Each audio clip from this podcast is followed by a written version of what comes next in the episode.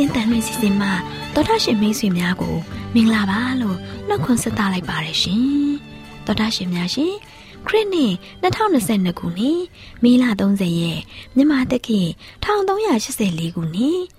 နေုံလာဇန်တရက်တနင်္လာနေ့မျောလင့်ချင်းတန်မြမာစီစဉ်များကိုစတင်တန်လွင်နေပါရရှင်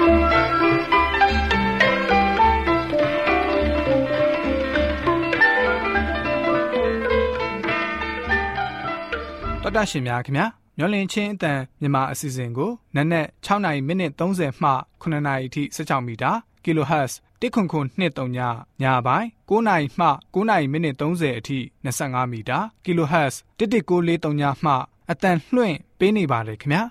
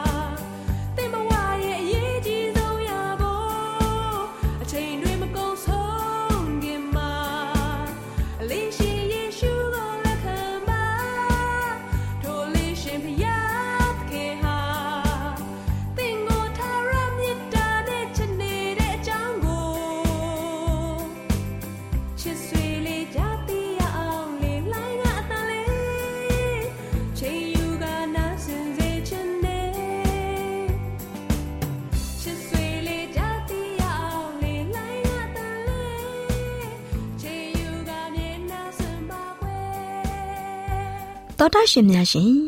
နေ့စဉ်သက်တာခရစ်တော်၌တာအစီအစဉ်ကိုတိတ်ခါရရစီဟာဥဆိုင်တာတွေထံမှမှတ်သားနိုင်ယူကြပါစို့လားရှင်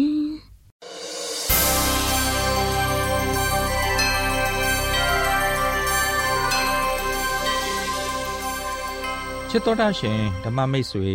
ညီကိုမောင်နှောအများအားလုံးမင်္ဂလာပေါင်းနဲ့ပြည့်စုံကြပါစေလို့နှုတ်ခွန်းဆက်သလိုက်ပါတယ်အားလုံးပဲကိုယ်စိတ်နှပြ ကျမ်းမာချမ်းသာမှုကြပါစေအခုချိန်မှာနေစဉ်သက်တာခရစ်တော်၌သာအစီအစဉ်အားဖြင့်ဓမ္မမိတ်ဆွေများအားလုံးအတွက်ဝိညာဉ်ခွန်အားရရှိဖို့ရန်အားပေးတိုက်တွန်းသွားခြင်းပါတယ်ရှေးဥစွာကျမ်းစာတော်များတစ်ပိုက်ကိုဖတ်ပြခြင်းပါတယ်ဘယ်မှာတွေ့နိုင်တယ်လဲဆိုရင်သုတ်တန်ကျမ်းခိုင်း၈အငယ်73ထဲမှာဖြစ်ပါတယ်ဘယ်လိုဖော်ပြထားတယ်လဲဆိုတော့ထာဝရဘုရားကိုကြောက်ရွံ့သောသဘောကဒူးစရိုက်ကိုမုံသောသဘောတည်း မာနထောင်လွှားခြင်းစော်ကားခြင်းမကောင်းသောလမ်းသို့လိုက်ခြင်းကောက်သောစကားဖြင့်ပြောဆိုခြင်းတို့ကိုငါမုံဤဆိုပြီးဖော်ပြထားပါတယ်ချစ်တော်ရရှင်ပေါင်းတို့ခင်ဗျာအင်္ဂလိပ်စကားလုံးမှာတော့ P R I D E pride ဆိုတဲ့စကားလုံးရဲ့အဓိပ္ပာယ်ကတော့မာနတရားပဲဖြစ်ပါတယ်အဲ့ဒီ pride ဆိုတဲ့စကားလုံး၅လုံးရဲ့အလယ်စာလုံးကတော့ I ဖြစ်ပြီး ငါလို့အဓိပ္ပာယ်ရပါတယ်အဲ့ဒီ pride ဆိုတဲ့စကားလုံးဟာဟေဘဲဘာသာစကားကနေဆင်းသက်လာပြီးအဓိပ္ပာယ်ကတော့ကြီးမြတ်ဖို့ဘုံရောင်ဝင့်ဖို့ကြီးပွားဖို့ထူထောင်ဖို့နဲ့အောင်ပွဲခံဖို့ဆိုတဲ့အဓိပ္ပာယ်ပဲဖြစ်ပါတယ်ဓမ္မမိတ်ဆွေပေါင်းတို့ခင်ဗျာလူဟာအသိတရားအသိဉာဏ်ပညာနည်းနည်းလေးရလာပြီဆိုရင် အောက်ခြေလွတ်ပြီးတော့မာမာနတွေတက်ကြွလာတာဟာထူးဆန်းစရာပါပဲ ဒါပေမဲ့လည်းဘာမှအသိပညာမရှိတဲ့လူတော်သားကအစအိုင်စတိုင်းလိုဥနောက်မျိုးရှိပလေစေလူသားရဲ့အသိပညာနဲ့ဖျားသခင်ရဲ့ကောင်းကင်တမန်တွေရဲ့အသိပညာကိုနိုင်ရှင်လိုက်မယ်ဆိုရင်တော့အတိုင်းမသိကွာခြားလာပါတယ်ချစ်တော်ရရှင်ပေါင်းတို့ခင်ဗျာအဲ့ဒီမာနတရားဟာဟိုကလေးလေးရဲ့အသက်တာစစချင်းကလေးကစတင်ရှိလာနေတယ်ဆိုတာကိုတွေ့ရှိရပါတယ် စာဖတ်တခါစကလေးငယ်တူဟာအိမ်ထဲကိုပြန်ပြေးဝင်လာပြီးတော့မိမိပြုလုပ်နိုင်တဲ့အရာတစ်ခုခုကို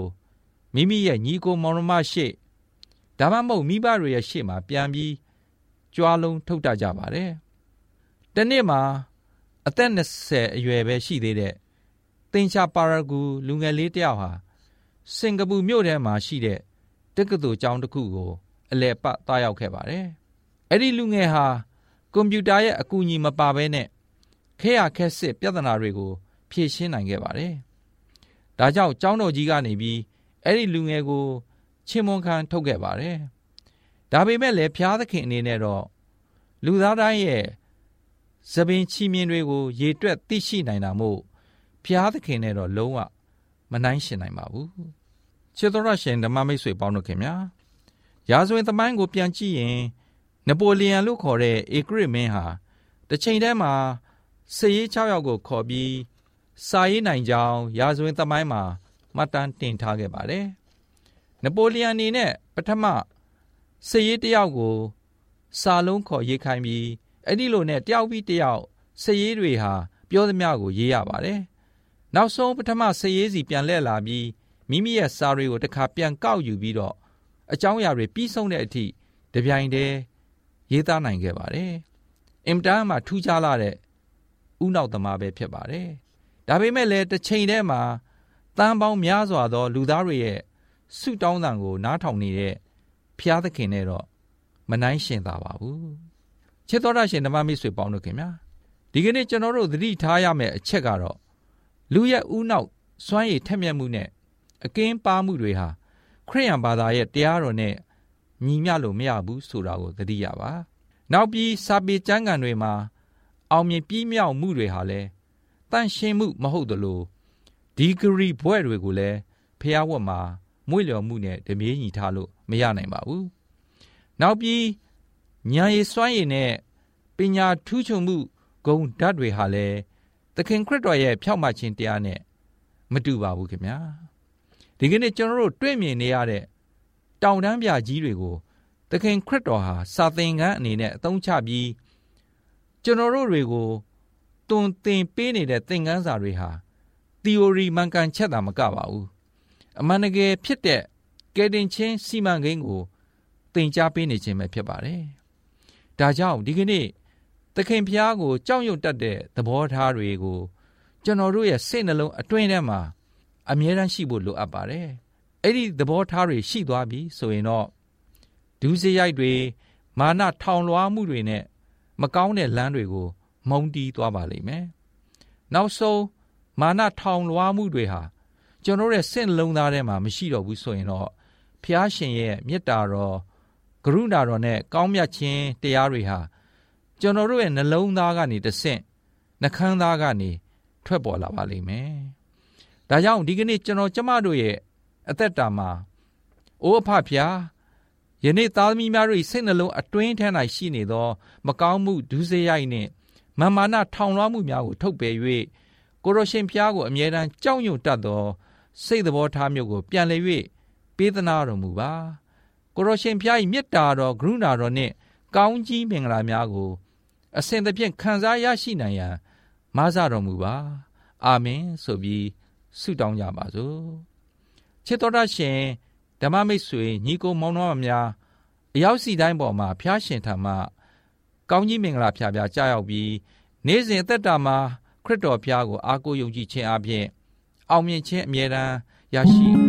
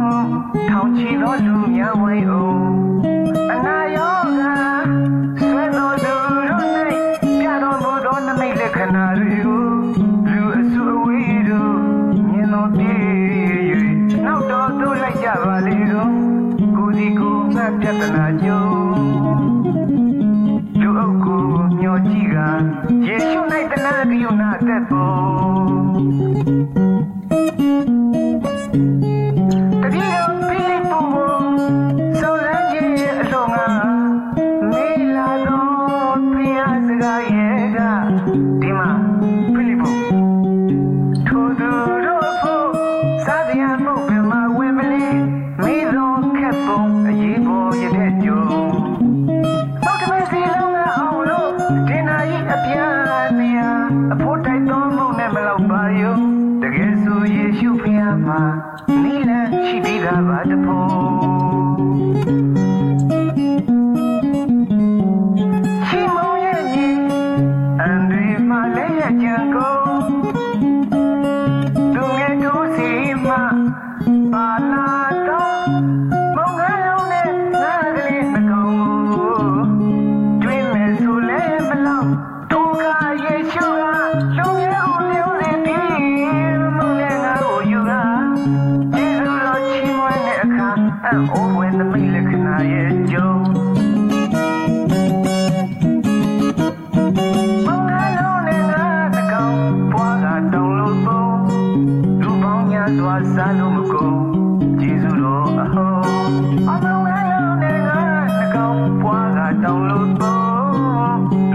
So I say, não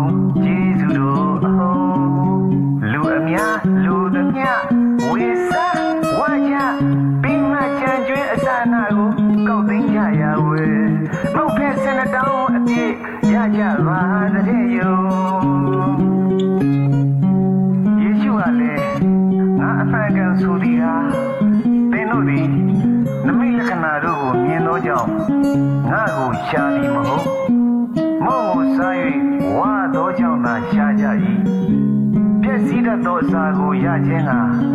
မကြိုးစားကြနဲ့လူသားသည်သင်တို့အားပေး၍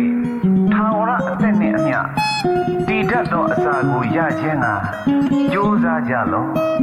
ထိုသားသည်ခမည်းတော်ဖျား၏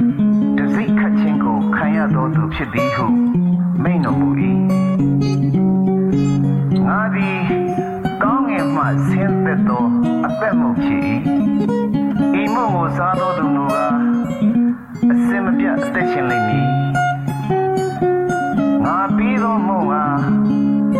လောကီသားတို့၏အသက်အဖို့အလှငါစွန်ကို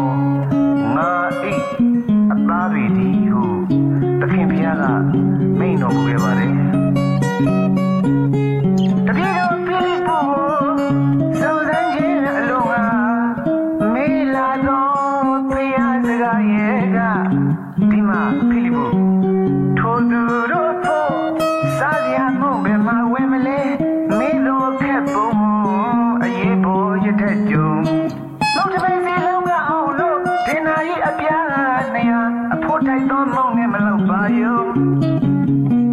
တကယ်ဆိုယေရှုဖျားမှာနေလန်းရှိပြီးသားပါတဖို့ရှိမုံရဲ့ညီအန်ဒီမာမျော်လင့်ခြင်းအတန်မြန်မာအစီအစဉ်ကို နာတော်တာဆင်နေကြတဲ့တောတာရှင်များမင်္ဂလာပါရှင်တောတာရှင်များရှင်လူတဦးတယောက်ရဲ့အသက်တာမှာတွေ့ကြုံရတဲ့အတွေ့အကြုံအဖြစ်အပျက်တွေဟာတဦးနဲ့တဦးမတူကြပါဘူးဒါပေမဲ့ သူတို့ရဲ့ရေးသားသက်သေခံချက်တွေကိုကြားနာသိရှိရတဲ့အခါမှာဘ ഹു တုတရရှိပြီးဝိညာဉ်ခွန်အားတွေတိုးပွားစေပါတယ်တောတာရှင်များရှင်ဒီကနေ့မှာခါတုံကူဆိုတဲ့တက္ကသိုလ်ကျောင်းသူလေးတူရဲ့အခက်အခဲကြားမှာစ조사လာရတဲ့အကြောင်းကိုနာတော်တာဆင်ရမှာဖြစ်ပါတယ်။တောတာရှင်များရှင်ခါတုံကူဟာအတက်တန်းကျောင်းကိုအခက်အခဲအမျိုးမျိုးကြားထဲမှာအောင်မြင်ခဲ့ပါတယ်။အခုတက္ကသိုလ်တက်ဖို့လဲ ဖះရှင်ကူညီမဆာခဲ့ပါတယ်။ဒီကျောင်းကတော့တနေ့မှာအမျိုးသမီးကြီးတစ်ယောက်ဟာ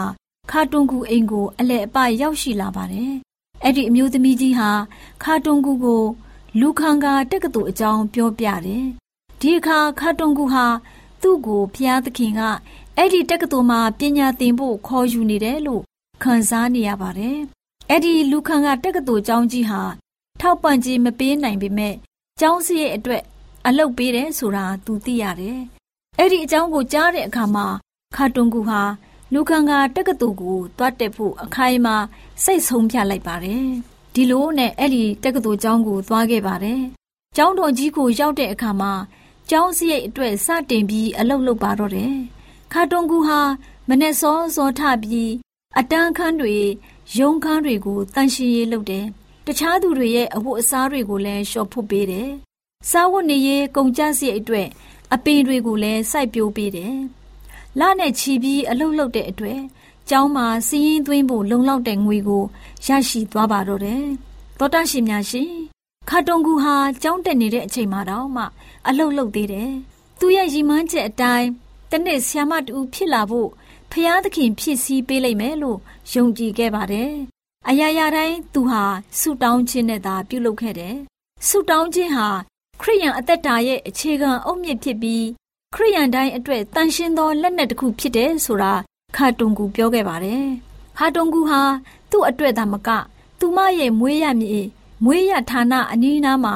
ပြန့်ကျဲနေတဲ့ညီအကိုအမတွေအတွက်နှစ်နဲ့ချီပြီးဆုတောင်းပေးနေခဲ့တယ်ဆိုတာပြောခဲ့ပါတယ်။ဒီကြားထဲကအကိုအမတွေနဲ့တွေ့ဆုံတဲ့အခါမှာ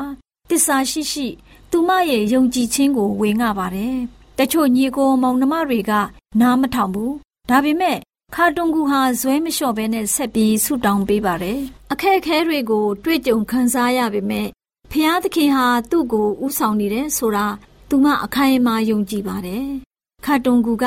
ဘာပြောလဲဆိုရင်ဖျားသခင်ဟာလွယ်ကူတဲ့အသက်တာကိုပေးမယ်လို့ဂတိမပေးထားပါဘူး။ဒီနေ့အထိဖျားသခင်ပို့ဆောင်ကောင်းကြီးပေးတဲ့အတွက်ဖျားကိုကျေးဇူးတင်တယ်။ ယေရှုရှင်နဲ့မိတ်ဆက်ပေးတဲ့သူမရဲ့မွေစာမိဘတွေကိုလည်းကျေးဇူးတင်ကြောင်းပြောပါတယ်။ဒါတွေမကသေးပါဘူး။ပညာသင်ဖို့အခွင့်အရေးကိုဘုရားသခင်ကူညီမဆတဲ့အတွက်ဖျားရှင်ကိုရောမျော်လင့်ခြင်းတက္ကသိုလ်ကျောင်းတော်ကြီးကိုပေးတဲ့အတွက်ဒီအတွက်ရောကျေးဇူးတင်ရှိကြောင်းလည်းပြောခဲ့ပါတယ်။ဒီနေ့မှာတော့ခါတွန်ကူဟာပညာတတ်တစ်ယောက်ဖြစ်ပြီးဖျားအမှုတော်မှာပါဝင်နိုင်တော့မှာဖြစ်လို့ဝမ်းသာပီတိရှိလို့နေပါတော့တယ်။သောတာရှင်များရှင်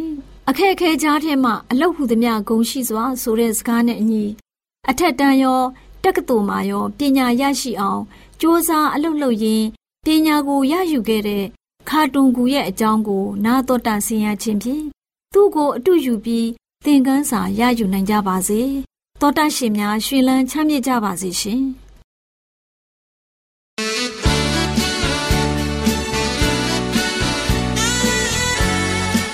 မျော်လင့်ခြင်းအတန်လူငယ်မောင်မယ်လေးများတို့ကဘာကြောကြားပုံကိုများအစီအစဉ်မှာလေးစားတူယူပွဲကဘာစာဆိုကြီးများနဲ့တခြားပုဂ္ဂိုလ်ကျော်ကြီးများအကြောင်းကို တင်ပြပေးသွားမှာဖြစ်ပါတယ်။ယနေ့လူငယ်မောင်မယ်လေးတို့အတွက်အတူယူပြီးဘဝခွန်အားဖြစ်စေမဲ့ပုဂ္ဂိုလ်ကြီးကတော့ Alfred Nobel ပဲဖြစ်ပါတယ်ကွယ်။လူငယ်မောင်မယ်လေးတို့ရေ Alfred Nobel ကတော့ ကမ္ဘာနိုဘယ်ဆုကြီးတွေကိုစတင်တည်ထောင်ပေးခဲ့တဲ့ပုဂ္ဂိုလ်ကြီးတစ်ယောက်ပဲဖြစ်ပါတယ်။ Alfred Nobel ဟာဆွီဒင်နိုင်ငံသား Swiss လူမျိုးတစ်ယောက်ဖြစ်ပါတယ်။ထင်ရှားတဲ့ Swiss သိပ္ပံပညာရှင်တစ်ယောက်လည်းဖြစ်ပါတယ်။ကမ္ဘာအကျော်ကြားဆုံးဆုဖြစ်တဲ့ Nobel ဆုကြီးရဲ့ Foundation ကိုတီထောင်အခြေချသွားသူဖြစ်လို့လေသူ့ရဲ့နာမည်ဟာမသိသူမရှိသလောက်လူသိများတဲ့ပုဂ္ဂိုလ်ကြီးလည်းဖြစ်ပါတယ်။လူငယ်မောင်မယ်လေးတို့ရေ နိုဘယ်ရဲ့ဖခင်ဟာဖောက်ခွဲကိရိယာပစ္စည်းတွေကို ထုတ်လုပ်ရောင်းချတဲ့သူပါ။သူဟာဖောက်ခွဲကိရိယာပစ္စည်းတွေကြားမှာကြီးပြင်းလာတဲ့လူငယ်တယောက်လိုလဲဆိုနိုင်ပါတယ်ကွယ်။ဒါကြောင့်လဲ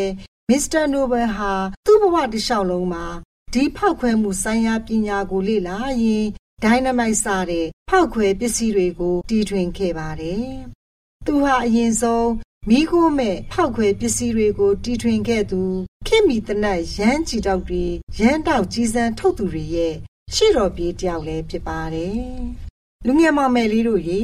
နိုဘယ်ဟာအဲ့ဒီဖောက်ခွဲပစ္စည်းတွေကို ထုတ်လုပ်ရောင်းချတဲ့အတွက်အမျက်အစွန်းတွေအများကြီးရလာလို့ကြွယ်ဝချမ်းသာလာတာပေါ့ကွယ်။ရုရှားရေနံမြေတွေမှာအရင်းအနှီးတွေမြုပ်နှံတယ်။တခါသူ့စီမှာကျွေးမွေးသုံးဆွဲဖို့ တာမယာမိသားစုမရှိတဲ့အတွက်ငွေကိုအများကြီးစုမိပါတယ်။အဲ့ဒီအချိန်မှာ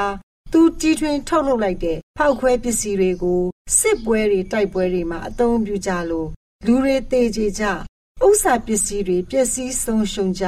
အပြစ်မဲ့ပြည်သူတွေဒုက္ခမျိုးစုံနဲ့ကြုံတွေ့ကြရပုံကို သူကိုယ်တိုင်ကြားရမြင်ရတဲ့အခါသူဟာများစွာစိတ်မကောင်းကြီးစွာ ဖြစ်ရပါတယ်။ဝမ်းနဲ့ကြေကွဲမှုတွေကိုလည်း ခံစားရပါတယ်။လူငယ်မောင်မယ်လေးတို့ဤဒါကြောင့်မို့လို့နိုဘယ်ဟာငါကြောင့်လူသားတွေအမြောက်များတေကြပျက်စီးကြရတယ်။ငါပြုတ်မိတဲ့မကောင်းမှုအကုသိုလ်ကြွေးကို လူတွေရဲ့ကောင်းကျိုးချမ်းသာရအောင် ပြုလုပ်ခြင်းဖြင့်ပြန်လည်ပေးဆက်မယ်လို့စိတ်ဆုံးဖြတ်လိုက်ပြီးသူ့ရဲ့ငွေတွေကို လူသားအကျိုးပြုလုပ်ငန်းမှာအသုံးချပါတယ် သူဟာတကဘာလုံးနဲ့ဆိုင်တဲ့လူသားအကျိုးပြုလုပ်ငန်းကြီးတွေကိုစွန်းစွန်းတမန်ဆောင်ရွက်နိုင်သူတီထွင်နိုင်သူတွေကိုအားပေးကူညီတဲ့အနေနဲ့စုတွေပေးတဲ့စုငွေအဖြစ်အသုံးပြုလိုက်ပါတော့တယ်ကွယ်လူငယ်မောင်မယ်လေးတို့ရေသူ့ရဲ့ငွေတွေကိုဆွီဒင်ပညာရှင်တွေရွေးချယ်ပေးတဲ့ယူပဗေဒဓာရုဗေဒစေဝါနဲ့စာပေဘာသာရပ်တွေမှာထူးချွန်တဲ့ပုဂ္ဂိုလ်ကြီးတွေကိုစုအဖြစ် ချီးမြှင့်ရန်နဲ့ငြိမ်းချမ်းရေးဆိုင်ရာဆုကိုနော်ဝေးနိုင်ငံပါလီမန်ကစီစစ်ရွေးချယ်ပေးတဲ့ပုဂ္ဂိုလ်ကိုချီးမြှင့်ပေးရန်တည်တန်းစာရေးပြီးတော့ဖောင်ဒေးရှင်းတစ်ခုကိုတည်ထောင်ပေးခဲ့ပါတယ်။လူငယ်မောင်မယ်လေးတို့ရေအဲ့ဒီဆုတွေကိုသူ့ရဲ့နာမည်ကိုအစွဲပြုပြီးတော့ Nobel ဆုလို့အမည်ပေးခဲ့ရာယနေ့တိုင်နှစ်စဉ် Nobel ဆုတွေကိုချီးမြှင့်လျက်ရှိနေပါတယ်။လူငယ်မောင်မယ်လေးတို့ရေ ယနေ့ဆိုရင် Nobel ဆုရွေးချယ်ရေးအဖွဲ့ဟာမူလသတ်မှတ်ထားတဲ့ဆုတွေအပြင်အခြားသောဘာသာရပ်ဆိုင်ရာဆုတွေကိုလည်းတိုးချဲ့ချီးမြှင့်လျက်ရှိနေပါတယ်။လူငယ်မောင်မယ်လေးတို့ရေဒီနေ့ကြားခဲ့ရတဲ့ကဘာကျော်ပုဂ္ဂိုလ်ကြီးရဲ့အကြောင်းကတော့ Alfred Nobel ကမ္ဘာနိုဘယ်ဆုကြီးကိုစတင်တည်ထောင်ပေးခဲ့တဲ့ပုဂ္ဂိုလ်ကြီးရဲ့အကြောင်းပဲဖြစ်ပါတယ်ကွယ်လူငယ်မောင်မယ်လေးတို့ရေ ကမ္ဘာထိပ်တန်းရောက်ပုဂ္ဂိုလ်ကျော်ကြီးတွေဟာစည်ရေးခြင်းရဲ့တန်းကိုကြံ့ကြံ့ခံရင်ဆိုင်နိုင်ကြပါတယ်မိမိလိုရာပန်းနိုင်စီတို့မလျှော့သောဇွဲတက်တီနဲ့အရောက်တက်လန်းနိုင်ကြပါတယ်သူတို့ရဲ့ဘဝမှာစိတ်တက်ကြတာအလျှော့ပေးတာတွေလည်းမရှိပါဘူးဘလို့အခွင့်အရေးကိုမှရယူလိုခြင်းမှုမရှိသလိုမက်မောမှုလည်းမရှိကြပါဘူးကွယ်မိမိတို့ကြောင့် လူတကာအကျိုးရှိရမယ်လူလောကကြီးတာယာလှပလာမယ်ဆိုရင်အတိုင်းမသိဝမ်းမြောက်ဂုဏ်ယူတတ်ကြပါတယ်အဲ့ဒါကြောင့်လဲမိမိတို့ရဲ့ဘဝအောင်မြင်ရေးတက်လန်းကို ရှာဖွေနေကြတဲ့လူငယ်မောင်မယ်လေးတို့အနေဖြင့်လဲမိမိလူမျိုးမိမိနိုင်ငံအကျိုးကို အောင်မြင်စွာတည်ဖို့ရွတ်ဆောင်နိုင်ဖို့ရန်အတွက်ဖော်ပြခဲ့တဲ့ပုံကိုယ်ကြီးတွေကို အတူယူပြီးတော့လိုရပန်းနိုင်ကို အောင်မြင်စွာစကူးနိုင်ကြပါစေကွယ် မျော်လင့်ခြင်းအတန်လူငယ်မောင်မယ်လေးများတို့ကဘာကျော်ကြားပုံကိုများအစည်းအဝေးမှာလေးစားတူယူပွဲကဘာစာဆိုကြီးများနဲ့အခြားပုဂ္ဂိုလ်ကျော်ကြီးများစာအုပ်မှာစာရေးသူဆရာကြီးဦးဝံထိန်ရေးသားထားတဲ့ Alfred Nobel ရဲ့အကြောင်းကိုကောက်နှုတ်တင်ဆက်ပေးခဲ့ခြင်းပဲဖြစ်ပါတယ်ရှင်။ကျေးဇူးတင်ပါတယ်ရှင်။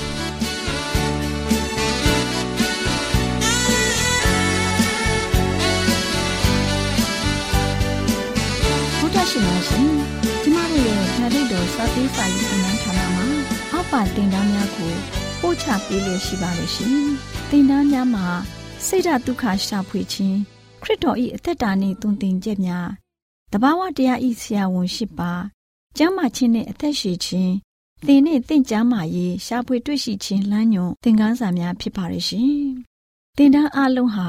အခမဲ့သင်တန်းတွေဖြစ်ပါတယ်။ဖြစ်ဆိုပြီးတဲ့သူတိုင်းကို ဂုံပြုလွှာချီးမြှင့်ပေးမှာဖြစ်ပါရဲ့ရှင်။တော်တာရှင်များခင်ဗျာဓာတိတော်အတန်းစာပေးစာယူဌာနကိုဆက်သွယ်ခြင်းနဲ့ဆိုရင်တော့ဆက်သွယ်ရမယ့်ဖုန်းနံပါတ်ကတော့39 656 296 336နဲ့39 98 316 694ကိုဆက်သွင်းနိုင်ပါတယ်။ဓာတိတော်အတန်းစာပေးစာဥထာဏာကိုအီးမေးလ်နဲ့ဆက်သွယ်ခြင်းနဲ့ဆိုရင်တော့ l a l r a w n g b a w l a @gmail.com ကိုဆက်သွင်းနိုင်ပါတယ်။ဓာတိတော်အတန်းစာပေးစာဥထာဏာကို Facebook နဲ့ဆက်သွယ်ခြင်းနဲ့ဆိုရင်တော့ s o e s a n d a r Facebook အကောင့်မှာဆက်သွင်းနိုင်ပါတယ်။ AWR မျော်လင့်ခြင်းအတန်ကိုအားပေးနေတယ်တော်တာရှင်များရှင်မျော်လင့်ခြင်းအတန်မှာအကြောင်းအရာတွေကိုပုံမသိရှိပြီးဖုန်းနဲ့ဆက်သွယ်လိုပါက39 2939 3926 445နောက်ထပ်ဖုန်းတစ်လုံးအနေနဲ့39 688 464 48ခုကိုဆက်သွယ်နိုင်ပါတယ်ရှင် AWR မျော်လင့်ခြင်းအတန်ကို Facebook နဲ့ဆက်သွယ်ခြင်းနဲ့ဆိုရင်တော့ AWR ရန်ကုန် Facebook Page မှာဆက်သွယ်နိုင်ပါတယ်ခင်ဗျာ။အင်တာနက်ကနေ မျော်လင့်ခြင်းအတန်ရေဒီယိုအစီအစဉ်တွေကိုနားထောင်ခြင်းနဲ့ဆိုရင်တော့ website လိပ်စာကတော့ www.awr.org ဖြစ်ပါတယ်ခင်ဗျာ။တော်တာရှင်များရှင် KSTA အာကခွန်ကျွန်းမှာ AWR မျိုးလင့်ချင်းအတံမြန်မာအစီအစဉ်များကိုအတံလွှင့်ခဲ့ခြင်းဖြစ်ပါတယ်ရှင် AWR မျော်လင့်ခြင်းအတန်ကိုနာတော်တာဆင် gay ကြတော့တောတာရှင်အရောက်တိုင်းပေါ်မှာဖျားသခင်ရဲ့ကြွယ်ဝစွာသောကောင်းကြီးမင်္ဂလာတက်ရောက်ပါစေ ကိုစိတ်နှဖျားစမ်းမွှေလန်းကြပါစေကျေးဇူးတင်ပါတယ်ခင်ဗျာ